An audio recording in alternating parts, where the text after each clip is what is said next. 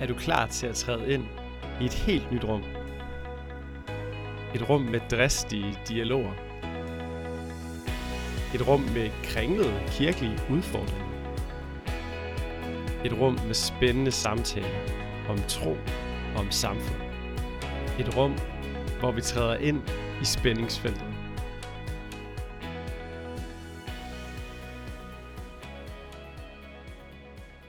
Velkommen til den her episode af Spændingsfeltet. Tak fordi du lytter med. I dag skal det handle om problemstillingen, kan en kristen være soldat?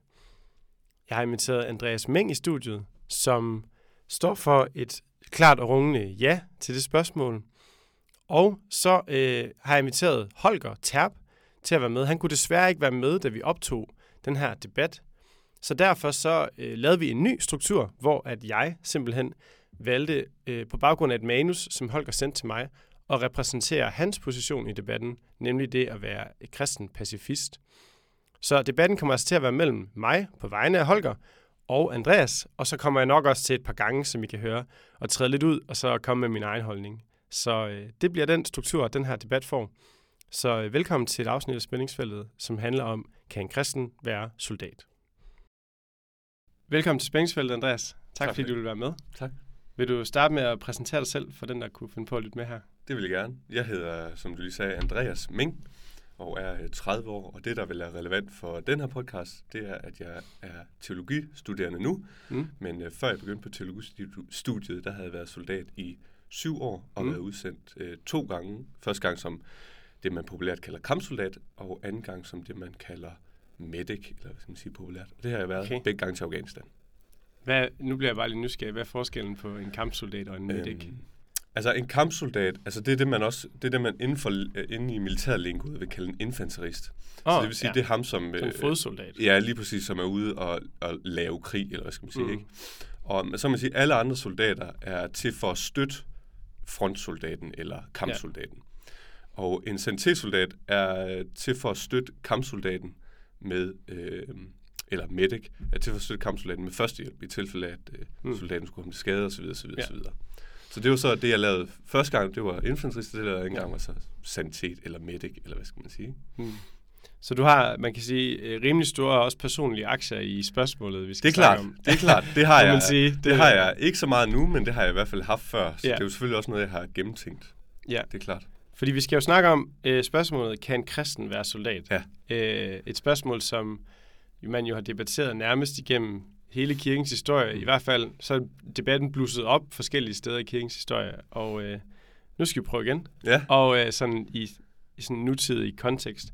Og jeg skal jo prøve lidt at repræsentere øh, den gode Holger, som er øh, medlem af Dansk Fredsforening, tror jeg det hedder, mm. og øh, inkarneret kristen pacifist.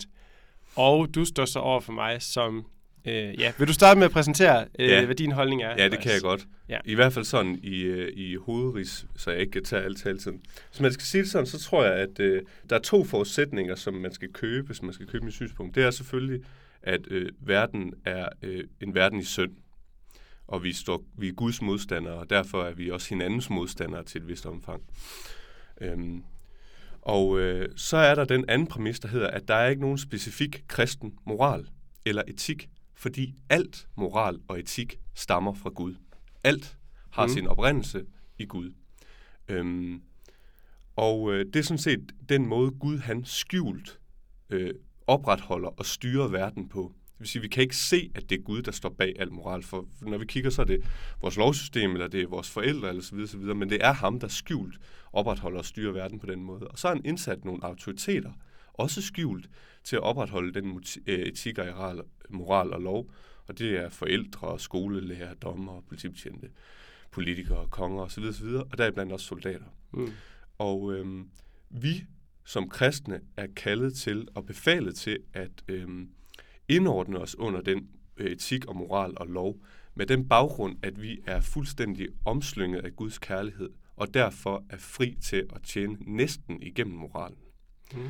Øh, vi er også fri til at tjene næsten uden for moralen, hvis det kræves, men, men vores standard er, at vi skal elske Gud og vores næste. Og det kan vi gøre blandt andet ved at være soldater og hjælpe med at opretholde lov og orden, som jeg egentlig ser der. Okay, så øh, bare sådan opfølgende spørgsmål. Så det du siger, det er, at alle de, øh, nu kommer jeg med sådan teologer, ordninger, Ja, der er ja. i samfundet, Ja. altså både sådan øh, øh, regeringen og skolesystemet, Ja. familien, og så også Ja. militæret, og alt, Ja, ja. alle de ting, det er på en eller anden måde, øh, så står Gud et eller andet sted om bag ved det. Ja, det er klart, og det, kan, det, kan vi, det, kan, det er derfor, jeg siger skjul, og det er meget vigtigt at understrege skjul, fordi det kan, være, det kan ikke ses, det kan ikke konstateres, øh, det kan ikke mærkes, det kan ikke øh, på nogen måde øh, sådan redegøres for andet end, at det er det, vi må tro, hvis vi siger ja til første trosartikel. Mm. Spændende. Ja. Så øh, kommer jeg så lige med øh, mit modsvar, eller i hvert fald Ja, min, ja. min øh, indgangsvinkel i den her debat til det. Øh, og man kan sige, nu har du så lavet dit argument rigtig meget sådan, øh, hvad kan man sige, systematisk. Du har jo Mm. helt sikkert også nogle bibelvers, som vi kan snakke om, Ja, det er hvor at klart. den position, jeg repræsenterer, jo netop tager rigtig meget udgangspunkt. Mm. Måske mindre sådan systematisk Ja. verdensbillede, men ja. mere i, i nogle konkrete bibelsteder. Ja, ja, ja. Øh, og de bibelsteder, som øh, er særligt vigtige, øh, i hvert fald også for Holger, det Ja. er øh, de gamle testamentlige Mhm. mm. om ikke at slå ihjel, Ja, og øh, de nytestamentlige øh, taler af Jesus, særligt bjergprædiken, ja, det er klart. når Jesus siger, at vi skal elske vores fjender, Mm. og når Jesus siger, salig er de, der stifter fred. Mm. Øh, så positionen, som jeg vil prøve at argumentere for i dag, det er faktisk en position, der siger, at det er, øh, det er et kategorisk imperativ Mm. mm. for kristne Mhm. ikke at deltage i krig, Ja, ja. og ikke at slå mennesker ihjel. Ja. Øh, med baggrund i de bibelsteder. Mm. Øh, og der er også et sted i Romerne 12, overvind det onde med det gode. Mhm. Øh, Mm. så på en eller anden måde, så bliver den her position en position, hvor man øh, simpelthen ikke kan forene de her bibelsteder med en praksis, hvor at man deltager i krig. Mm. Mm. Øh, ja, jeg ved ikke, hvad du tænker om, om, om noget af det. Nej, altså selvfølgelig så at vil jeg jo for det første gøre det klart, at jeg, jeg bygger selvfølgelig heller ikke mit, øh, mit sådan, øh, min holdning på luft, eller Nej, min tro på nej. luft. Altså jeg mener også, at jeg både står skriftligt og reformatorisk øh, på, på god grund. Til de der skriftsteder, jeg tænkte, at det ville komme, altså hvis vi først skal tage, tage bjergprædiken som sådan, ikke? Så, øh, så hvis nu man mener, at øh, Jesus, Gud inkarneret, øh, tager et opgør med, med lex talionis, altså øje for øje, tand for tand, så må man mene, at der er en eller anden uoverensstemmelse mellem ham og faderen, som har givet den lov i Gamle Testamente. Øh, Ja. Jeg tror, at jeg vil sige det på den her måde, som, øh, som Rudolf Bultmann har skrevet en, en god tekst om det engang. Han siger, at Jesus gør i, i bjergprædiken gør Jesus ikke op med lov og orden eller med retfærdighed. Mm. Men det, der er problemet, det er, at, øh, at over tid så får loven øje for øje et, øh, en skævvridning. Så, så øje for øje var i virkeligheden givet sådan her. Øh, der skal være en grænse for din hævn. Du må ikke, Ja. du må ikke slå, øh, hvis der er en, der har slået dig på kinden, må du ikke slå hele hans familie ihjel. Mm. Og for det andet, så skal der være en retfærdighed. Du kan ikke bare gå ud og slå folk, og så forvente, at der ikke sker noget ved dig, og så blive ved med at banke folk.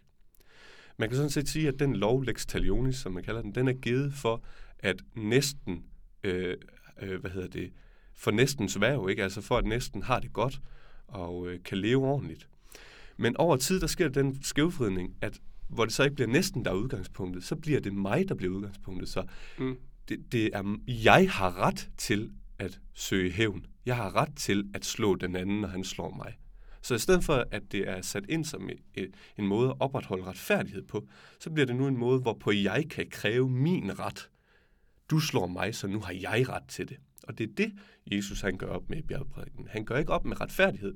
For hvis han gør det, så vil han også gøre op med, at Gud indstifter retfærdighed. Mm. Og så vil der komme et skisma mellem faderen og sønnen, og det ved jeg ikke, om det er så heldigt. Det kan man spørge Markion, om det er. Ja. Øh, hvad hedder det? Så han går ikke op med retfærdigheden, men han går op med den holdning, at retfærdigheden har sin baggrund i, hvad jeg har ret til, og ikke hvad der gavner næsten. Og så det andet, det, det er jo også det der med Gamle Testamente. Altså, så kan man spørge sig selv, når, når israelitterne er kommet over det røde hav, og de synger en sejrshymne til Gud om, at han har slået de egyptiske soldater ihjel. Mm. Tager de så fejl? Er det fejlagtigt af israelitterne at synge en hymne til Gud om, at han har hjulpet med at slå Guds folks fjender ihjel? Mm. Altså man kan sige, lige præcis i det tilfælde, der tænker jeg jo, der er forskel på, hvordan Gud handler Mm. her med en naturkatastrofe, Mm. end at mennesker øh, slår ihjel. Der er jo alligevel en forskel. Mm, jeg ved godt, at der er andre er steder i det gamle testamente, Ja. hvor Gud også befaler sit folk Ja, ja. at gå ud Ja. og, og bedrive krig, Mm. øh, hvilket jo på en eller anden måde også er skørt, når de samtidig har det her bud om ikke at må slå ihjel. Ja. Øhm, men altså, men pointen, tror jeg, for, øh, for det pacifistiske udgangspunkt, det er bare, at på en eller anden måde, så bliver det en... Øh, man går, den reformatoriske princip er jo skriftens mm. klarhed, Mm, mm. øh, og jeg tror, at man vil sige, jamen, man skal godt nok lave mange overspringshandlinger for at kunne læse, du må ikke slå ihjel, mm. Mm. og så gå ud og Ja. slå ihjel.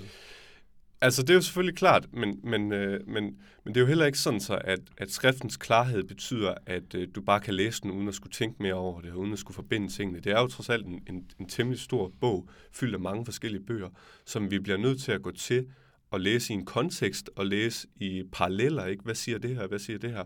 Og prøve at, at, strykke, at, at strikke sammen. Så skriften er fuldstændig klar. Du kan gå til den og læse den, og du kan forstå den. Men det er ikke alting, der er lige nemt at forstå. Der er nogle Mm. ting, du bliver nødt til at sætte dig ind i og tænke større over. Det siger jeg ikke, at, øh, at, at den modsatte pos- position ikke har gjort. Nej. Jeg siger bare, at, at, at det ikke er altid bare sådan, så du kan sætte dig ned, og så åbne den, og så er det, springer det bare op, og så kan du sige, Mm. mm. sådan her er det. Øhm, så, så man skal tænke over det, altså, og, øhm, og, og, og fundere over det. Øh, Hvor, Ja. hvor langt er du, øh, det snakkede vi også lige lidt om, inden vi gik på, ja. hvor langt er du villig til at gå med, din, med dit syn her? Altså, øh, er det sådan den øh, Bonhoefferske, mm. Vi må godt slå Hitler ihjel, men Mm. så ikke andre? Ja, ja, ja. Eller, øh, Ja, der er sådan, ja. ja når Bonhoeffer, ja, når fornuften den slår fejl, så må troen komme til os. Altså, jeg tror, jeg vil slå fast til at starte med, fordi nu kommer, vi måske med noget, der kan, nu kommer jeg måske med noget, der kan være temmelig kontroversielt, eller barsk, lydebarsk måske, det kommer an på, hvordan man ser på det. Krig er altid forfærdeligt, øh, fordi krig involverer netop at slå andre mennesker ihjel, og jeg tror også på, at alle mennesker er skabt af Gud, og alle mennesker er skabt af, med Guds billede, ikke? Så, så krig er altid øh, forfærdeligt, og krig er noget, som man i videst mulig udstrækning skal undgå. Men øh, det er altså sådan i den her verden, sådan ser jeg i hvert fald på det, at, øh, at det eneste, der holder fred i den her verden, udover når Gud bryder ind, det gør han jo igennem sværet, vil jeg så sige, ikke? Mm. det er, at, øh, at, at, at vold ligesom holder det i ave. Så det vil sige, for eksempel, hvis, nu, nu talte vi om ham al-Baghdadi, der lige var død, ikke? Mm. Han, han forstår kun, at der er nogen, der tvinger ham til ikke at begå vold. Det vil sige, hvis der er nogen, der begår vold mod ham, så opretholder man freden på den måde, at man fjerner ham. Øh, Så jeg vil for eksempel mene, at det er en, en kærlighedsgerning, at det er en god gerning over for os, som ikke har det på den måde, som al-Baghdadi har, at slå ham ihjel. Fordi han vil ikke andet end ufred, og han vil ikke andet end at slå os ihjel. Og, det må være, og, og den eneste måde, man kan værne om freden på, det er ved at, ved at fjerne det, som ikke vil freden i den her verden. Ja. Jamen, altså det... øh, Jeg synes godt nok, det, det er bare så svært. Altså jeg tror, jeg, jeg, kommer, jeg kan mærke, at der, hvor jeg kommer til at sætte, sætte mig og, og sidde fast i den her debat her, det bliver, øh, når Jesus han siger, salige er de, der stifter fred, mm. Mm. så har jeg bare så svært ved at se, at det, han tænker, det også kan rumme sig, det er at gå ud og øve vold mod andre, Ja. for på den måde at begrænse en større vold, Ja. sådan lidt utilitaristisk-agtigt. Ja. Slå ham her ihjel, og så redder du 20 mennesker. Ja, ja, ja. Mm. Vil du sige lidt om, hvordan du kan forene det? Altså, jeg synes bare, det er så... Ja. For mig at se, så vil jeg sige, at det, det ord af Jesus, det ligger bare så meget op til ikke-vold. Ja. Det ligger op til en Det er pacifistisk klart. indstilling. Det er klart.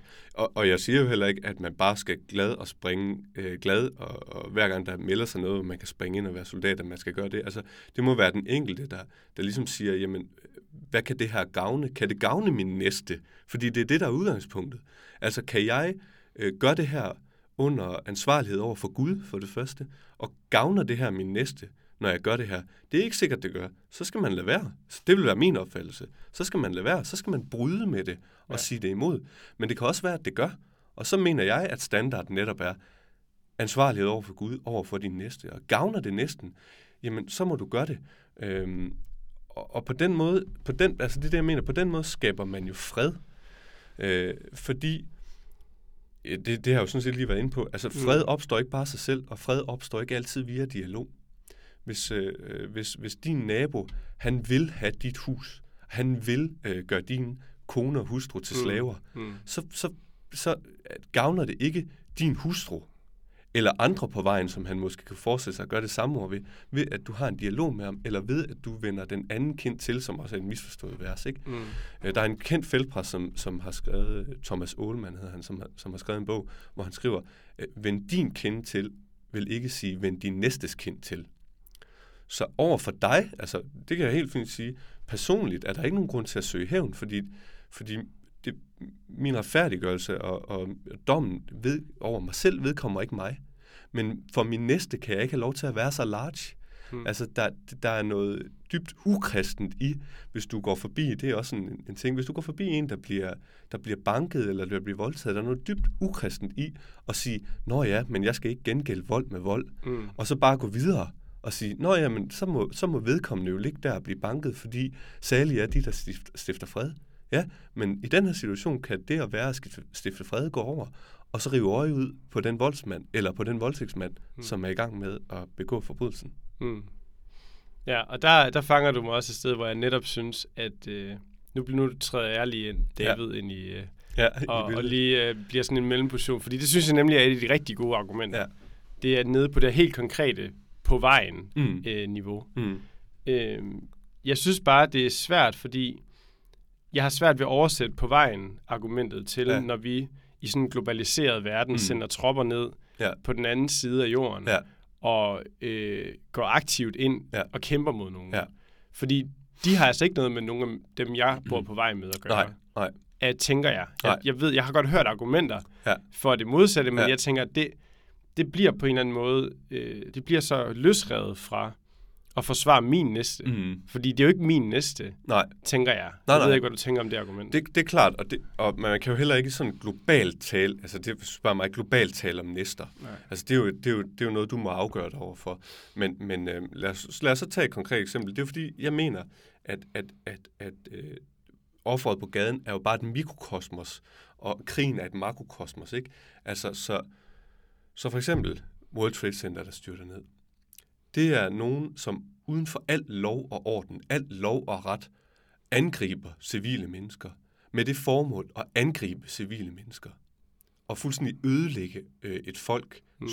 øh, ryggrad, både øh, moralsk og fysisk. Ikke? Øh, og det, sådan, det mener jeg simpelthen ikke, ikke gavner nogen, hvis man lader sådan et uvæsen stå til. Og derfor er det så min opgave, men, mente jeg, og mener jeg, som, som menneske og som kristen, kan man sige. Det var ikke, fordi jeg så det som en specifik kristen opgave at være soldat. Mm. Men at gå ind og sige, det her kan vi ikke tolerere. Det bliver vi nødt til at, at, at, at kæmpe imod ved at genoprette lov og orden. Mm. Ved at fjerne dem, sådan så lov og orden kan eksistere. Og det kan så også betyde, at man skal rejse et helt andet sted hen, end der, hvor truslen umiddelbart er. Ja, det, det betød det jo så her, fordi at de, havde, at de angreb, al-Qaida angreb fra øh, Taliban-styret. Så jeg ved godt, at Taliban-styret havde ikke decideret noget at gøre med al-Qaida. Det var en løsredet operation fra deres side af. Men de, på grund af nogle pastunske, det er det, som Taliban var, øh, øh, traditionelle stammeregler og sådan noget, at de, at de ligesom holdt hånden over dem. Det, det er uvedkommende, ikke? De angreb derfra, og så bliver man nødt til at rejse ned og fjerne truslen. Eller, det bliver man ikke nødt til, men det, det opfatter jeg det som, at det, der, at det der er god grund til at gøre. Yes. Simpelthen fordi der er næstens øh, liv er i fare, og fred er i fare. Ja, øh, der var et argument, jeg også snakkede med dig om inden, som... Øh, øh, og jeg ved godt, det bliver jo lidt rodet, men jeg tænker, det er fint at få, de forskel- få alle de Mm. argumenter frem, Ja, er som, øh, som Holger også har givet mig med, Mm. så vi har dem alle sammen vendt. Mm. Øh, noget, som han også han laver til sidst i sit øh, papir der, manus, så laver han sådan et, et vy over sådan en kirkehistorisk Ja, vy, ja. hvor han øh, sådan, i hvert fald prøver at argumentere for, at i den tidlige kirke, der var det egentlig øh, den forståelse, man havde, når man fortolkede Jesu ord, mm. så Mm. var det en forståelse, der ledte til øh, en pacifistisk indstilling. Han citerer for eksempel øh, kirkefaren Origenes, som siger, at vi løfter intet våben, til ved Jesus er vi blevet fredens børn. Mm. Eller Origenes, der igen siger, at det er imod Kristus at tjene i jordisk krig. Mm. Øh, og han nævner så en masse bevægelser op igennem kirkens historie, valdenserne, mennonitterne, kvækerne ja. og Ja, ja. baptisterne. Og Ja, ja, ja. mange øh, kristne kirker, som gennem historien, også i den tidligste kirkes historie, har tænkt, har netop har forstået Jesu ord ja. Ja. som en fraskrivelse af muligheden for Ja. at kunne deltage i krig. Ja, det er fuldstændig øh, sandt. og vi vil jo gerne være på, på linje med den tidlige kirkehistorie i vores Ja. teologi, ofte i hvert fald. Det er rigtigt, og det er, Ja. ja. fuldstændig, det er fuldstændig sandt. Altså, der er, der er divergerende holdninger, eller hvad skal man sige. Altså, Tertullian skifter holdning. Han har først den holdning, at det kan kristne godt, og så har han senere den holdning, at det kan kristne ikke. Origenes er også lidt splittet, fordi han har den holdning, at kristne ikke kan være soldater, det er rigtigt. Men de har en anden funktion. De har nemlig den funktion, at de skal bede for kejseren, eller for den romerske kejsers soldater, ikke? Altså, Okay. Øh, Ja. øh, så, så han mener bare, at de kan ikke aktivt gøre det, men de kan godt være en spirituel støtte bag kejseren. Ja. Øh, så på den måde er der altså det er jo lidt sjovt, ikke? Det vil jeg se som en ansvarsfralæggelse, ikke? Ja. Øh, og og en, en måde, hvordan han introducerer græsk filosofi og græsk mytologi, eller ikke mytologi, græsk øh, verdensbillede ind i, øh, i, i, i, hvordan man forstår kristendommen. Det gør han jo også, ikke? Han er jo platonist, Ja. så, så, det, så, det, så det vrager ikke, men... Og det samme med, med efter den konstantinske vending, hvis man skal snakke om det, så Athanasius vil også øh, sige, det er forbudt, eller det er ikke forbudt. Det er godt for en soldat, at, eller godt for en kristen at være soldat, men det er stadig syndigt, det han gør, netop mm. fordi han slår et andet menneske ihjel, eller kan risikere at slå et andet menneske ihjel. Øhm, men der er også andre stemmer, stemmer vi kender, altså øh, John Sheen, en, for, en, øh, en forfatter, han jo så nu har skrevet en bog, som hedder Soldiering for God, og det kan man jo lidt øh, kigge op. Soldiering for God, Christianity in the Roman Army, Mm. hvor han påviser, at der helt tilbage fra de tidligste kilder har været soldater, som var kristne i den romerske hær, og faktisk også under Marcus Aurelius, som jo Mm. ellers er kendt som kristendomsforfølger, Ja. at der var øh, rigtig mange kristne, som simpelthen spredte kristendommen rundt i hele riget. Så de har i hvert fald ikke set noget problem med det. Nej. Og hvis man så kigger i sin bibel, hvor, hvor, som vi jo i allerhøjeste grad skal være mere i overensstemmelse med, end hvad kirkefædrene Ja, siger, ikke? Ja. Øh, så kan man jo gå til, til, til Matthæus 8, øh, 5-13, ikke? hvor det, den første hedning, der bliver kaldt, det er en officer. Og han får ikke nogen fordømmelse fra Jesus. Mm. Øh, Lukas øh, 3, kapitel 3, ikke? der kommer også nogen hen til Johannes og skal døbes af Johannes. Og de er også soldater. Johannes, han, han siger ikke noget til, at de er soldater. Han siger bare, at de skal, at de skal øh, hvad hedder det, lade være med, at- hvad det, han siger? De skal lade være med at tage overpris, skulle lige sige, de skal, de skal holde sig til den løn, de får, osv. osv. Mm. Og det samme i, i, i, det andet lukanske værk, ikke? i Apostlenes Gerninger øh, 10, hvor den, igen er det den første hedning, den første troende hedning, der bliver kaldt. Det er igen en officer, og der er heller ikke nogen fordømmelse af, at han er soldat. Mm. Så det vil sige, at hvis vi går til Bibelen, så er der fra de første menigheder, fra urmenigheden, har der været soldater iblandt. Og det støtter de arkeologiske beviser jo så i John Sheens øh, Mm. bog. Mm. Så, så det er rigtigt nok, at man har nogle kirkefædre, som går imod det her. Nogle kirkefædre, som går imod det her.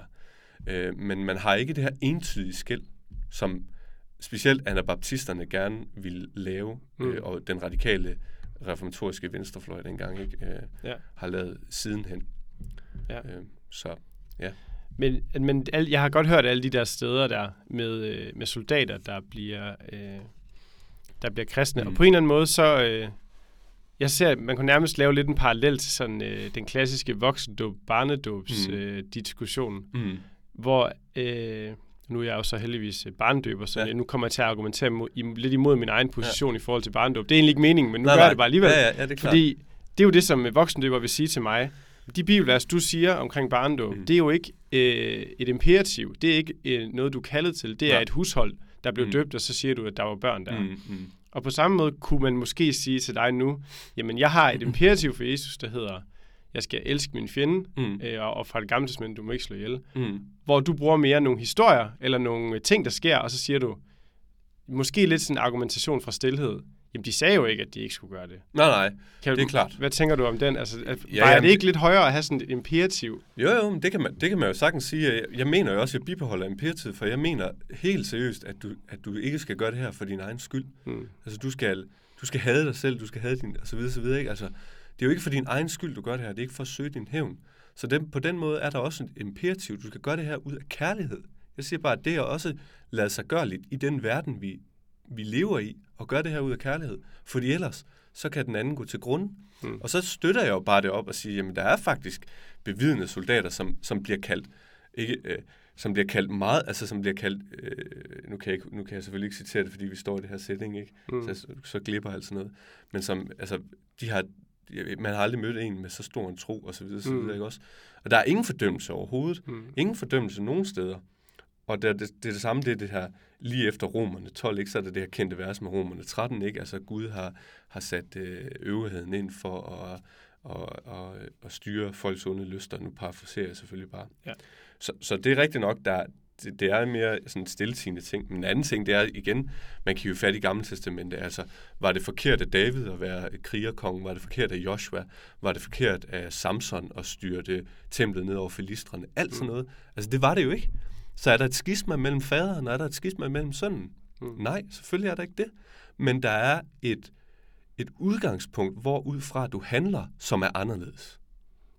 Ja, for man kan jo i hvert fald godt sige, at sønnen jo øh, ikke omstøder, men så plejer man at sige fuldender nogle mm. ting. Ja, Altså for eksempel sabbatsbuddet. Og Ja, sådan ja. Alt, altså, sønnen kan jo godt sige nogle ting, som var nye, ja, ja, også for folk, der kendte det er klart. faderens øh, bud og lov. Det er klart. Altså uden at sønnen står i modsætning Det er til klart. faderen. Det er klart. Men, men, men hvordan gør han? Hvordan fuldender han den? Altså for det første, så fuldender han den jo selvfølgelig ved at befri os fra, fra loven. Ikke? Det er jo den Mm. ene ting. Men den anden ting, han gør, det er også, at han siger igen og igen, hvad var intentionen bag? Intentionen bag er ikke, at det er din ret til at Mm. gøre noget, eller at du på den måde kan blive retfærdig. Nej, intentionen bag sabbaten, det var næsten. Intentionen bag, øh, bag spisereglerne, ikke? det var næsten. Ja. Intentionen bag lex talionis, øje for øje, tand for tand, vil jeg så argumentere. Ja, det er næsten. Det er ikke for din egen skyld, det er ikke din ret, at du kan gøre hævn. Men fordi, at næsten har brug for retfærdighed i den her verden, for at kunne leve fredeligt og stille og roligt, så bliver der nødt til at være nogle love, som opretholder den retfærdighed. Mm. Ja. Så nu træder jeg ud af den hardcore kristen pacifist, og Ja. så lige ind i min egen overvejelse. Og jeg har nogle gange gået og leget lidt med sådan en... en øh, fordi jeg synes bare, jeg kan godt se, at der skal være en øvrighed, der Mm. har et svær. Altså Mm. det synes jeg, det har meget, det tænker jeg, altså Holger han skriver på et tidspunkt, at hvis nu alle bare øh, var fredskæmpere, Mm. så ville der ikke være brug for krig. Nej, Og, det og, det, og det, det tænker jeg er, li- er lidt utopisk. Undskyld, Holger. Men øh, så det, nu er det min egen... Ja. Øh, jeg tænker, der er brug for et svær. Det er jeg Ja. helt enig i. Øh, men det jeg så overvejer, og det kan du så respondere Mhm. på, en position, hvor, sådan lidt menonit-agtig position, mm. hvor der er en øvrighed, Mm. men vi kristne, vi skal ikke være en del af den øvrighed. Nej, Vi er kaldet til at være noget andet. ja. Eller sådan Shane Claiborne-agtigt, og tage til Irak, og så øh, yde nødhjælp, Mm. og, og gøre alt muligt andet, end at være i krig. Ja. Hvad vil du tænke om sådan en, en tankegang? Øh, altså for det første, så, så tror jeg, jeg vil sige, at hvis, at, at hvis du opfatter øh, dine evner på en anden måde end det at være soldat, for eksempel, at du kan gøre noget andet, så, så, så synes jeg, det er det, du skal gøre. Altså jeg står ikke og siger, at, at du skal være soldat. Jeg står bare og siger, at det er en af de muligheder, du har. Og nu lå det bare til mit temperament og min Mm. psyke, at, at være fin, at jeg kunne fint være soldat, og jeg passede rigtig godt ind i det. Øh, og så den anden ting er, at, at for mig at se, der er der øh, igen ligesom det der med at gå forbi en, der bliver overfaldet. Ikke? Der er noget dybt hyklerisk i at bare melde sig ud af verden og bare sige, vi er de rene kristne. Hmm. For det første er der noget dybt hyklerisk i det, fordi øh, i, som kristen er du ikke ren i dig selv. Du er ren, fordi Gud siger, at du er ren. Han har erklæret dig ren. Og så du er ikke bare ren og kan bare melde dig ud fra alle andre og afskrive dig, sådan vaske dine hænder, Mm. og så sige, nu kan verden gå sin gang. Vi, er den rene menighed her. Nu dyrker vi det her. Øhm, sådan, sådan vil jeg sige, er et problem. Og for det andet, den anden måde, det også er et problem, er, at for mig at se, så fjerner det igen forbindelsen mellem første og anden og tredje trosartikel for den ja. skyld også. Ikke? Ja. Fordi man siger, jamen den verden, som Gud har skabt, den har vi ikke noget med at gøre, fordi nu har vi et andet rige. Den tredje ting er selvfølgelig, at, at den der utopiske øh, menighedstænkning, som man også finder i starten af Akta, den ser man jo også i Akta, at den bryder sammen. Ja, ja, den det gør den fungerer, meget hurtigt. Den, den bryder meget hurtigt sammen, Mm. og, og også, den bliver også større, og så fungerer det heller ikke. Mm. Så altså, jeg synes også, der er et klart vidnesbyrd i Bibelen, der siger, at det er ikke den ideelle menighed, fordi det, det holder ikke. Mm. Så, så der, der er mange ting, der, altså, der er mange ting i det. Øh, vil du sige, at det at gå i krig så altså, stadig er en synd? Altså, du synes, det er nødvendigt, men vil du også sige, at det var en synd, når man så som soldat, øh, enten som forsvar eller som øh, angreb, slog nogen ihjel? Nej, det vil jeg ikke sige. Okay. Jeg vil, jeg vil sige, at øh, hvis du som soldat øh, handler, på dit, handler ud øh, fra troen på, at du er sat under ansvar af Gud, og at du gør det for din næste, så er det ikke en synd. Ligegyldigt, hvad du gør. Nej, det er selvfølgelig groft sagt, ikke? ja, men, ja. men øh, vi har jo selvfølgelig nogle rigen. Men så, så, er det ikke en, så er det ikke en synd, at du går ud og slår din fjende ihjel. Det er meget... Øh, Ja, jamen, ja, og, og, det, det, det synes jeg godt nok er vildt. og, og så altså ikke- sådan, og at så- man kan, ja. man kan slå ihjel Ja, om tirsdagen som Ja. soldat, ja, men om onsdagen, øh, når man, man kan sige, er derhjemme og Mm. ikke er i aktion, Ja. så er det vel en synd, når man slår ihjel. ja, det er klart, fordi så er du ikke indsat i det embede, Ja. som er, at du skal opretholde lov og orden. Altså, jeg kan jo ikke bare gå rundt og slå, hvem jeg vil ihjel, men jeg er jo sat ind i et embede, som gør, at, at, at jeg er blevet et redskab for at, kunne, for at kunne genoprette den lov og orden, som er blevet splittet. Og der er jo en forskel på, hvem jeg er. Men jeg vil faktisk også gå så langsomt til at hæve det, at det vil heller ikke være en synd for dig at slå voldtægtsmanden ihjel. Det kan godt være, at du bliver sat for en domstol, Mm. men hvis det er det, du mener, øh, er, øh, er det, der skal til i den situation for den næste, som bliver voldtaget, eller for den næste, som er i gang med at blive slået ned, Øhm, og, du, og du gør det ud fra, det, ud fra igen, ud fra, at du er ansvarlig over for Gud for alt, hvad du gør. Og det er ikke sikkert, at Gud sætter på samme måde som dig. Men det må du tro på, det må du holde på, og så må du gøre det for din næste skyld. Så mener jeg heller ikke, det er nogen synd. Og, og jeg ved også godt, at det måske er kontroversielt at sige, men, men altså som, som, øh, som vores kære reformatoriske far Luther, han ikke også siger, han har skrevet øh, det her, han har for det første skrevet to vers, hvor han, eller to skrifter, hvor han behandler det her, ikke? Mm. Øh, om den værtslige øvrighed, og så har han skrevet en, som hedder øh, noget i retning af, kan soldater også have Guds tilgivelse, ja. eller Guds noget, ikke? Og der siger han også, når, når soldaten går ud og røver og myrder og ødelægger, så er det ikke soldaten, der gør det, så er det Gud, der gør det. Det siger han. Mm. Så, så, så hvis man er inde i sit lutter, Ja. så er mine udtalelser faktisk ikke helt så kontroversielle. Nej. Men jeg synes godt nok, de, øh, ja, det kan lytteren jo selv, Ja. som, øh, jeg har, jeg har, det er jo noget af det, der gør, at jeg har rigtig svært ved sådan at købe hele pakken, Ja. som du repræsenterer. Ja. Det, det er sådan, jeg, jeg har også de der steder, hvor Luther han siger, øh, ligesom, fordi han jo prøver på at være konsekvens. Okay, hvad er det mest øh, vilde eksempel, vi kan tænke på? Nå, mm. Mm. det er en kristen bødel. Mm. Altså en, der lever af at slå folk, ihjel. Ja. Øh, og hvad han siger, det er super.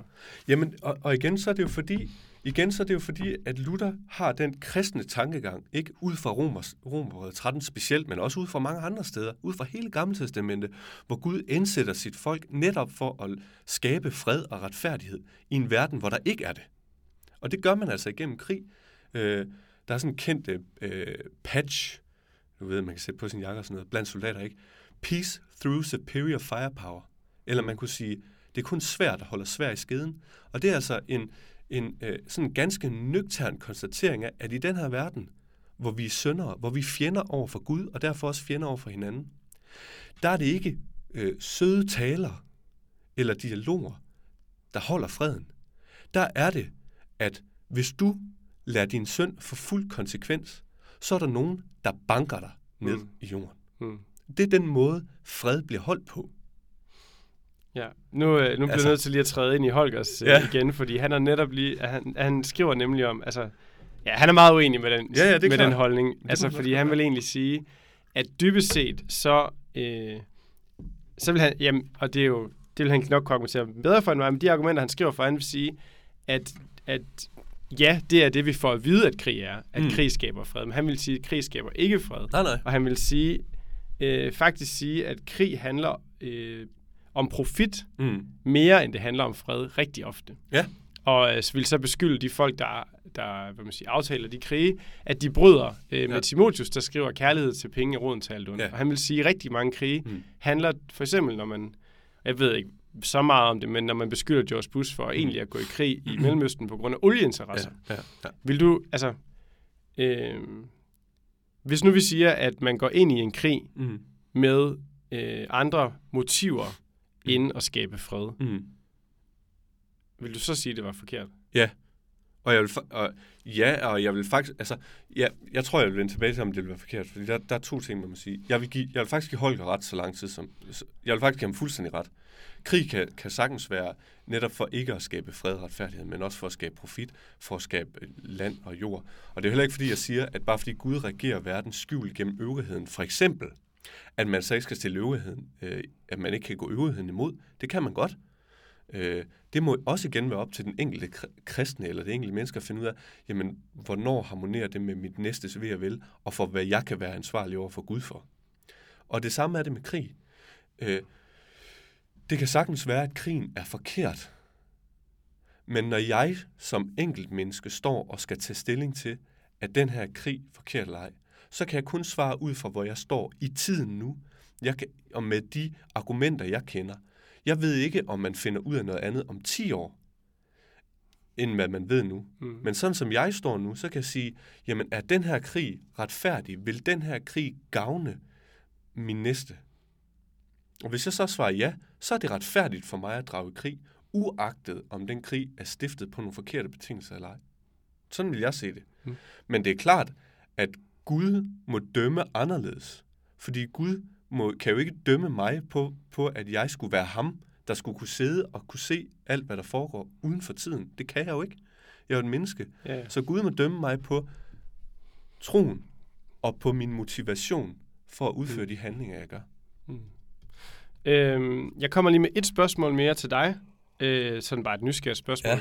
Og så tænker jeg, at vi slutter med hver især, og så lige give en sidste pitch, kan man sige, for ja. vores position, som man så kan tage med sig ja. i sine overvejelser som ja. lytter.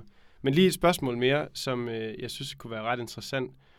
Øh, hvis man så køber ind på din, øh, på din position mm. efter den her debat, og tænker, ja. okay, øh, kristen soldat, ja, øh, men er der så noget, som kendetegner en kristen soldat, som står i kontrast til en ikke-kristen soldat? Altså er der noget, er man på en særlig måde som kristen soldat? Venter man længere med mm. at skyde, eller mm. er man... Altså tænker du, der er noget etik så som soldat, som man særligt skal være opmærksom på som kristen? Det mener jeg ikke, at der er ikke noget, jeg mener ikke, at der er et ydre øh, mærke, hvorpå man kan pege og sige, den her soldat må være kristen, og den Nej. her må ikke. Okay. Fordi, jamen, som jeg siger, altså, nu, nu nævnte du ordet ordninger.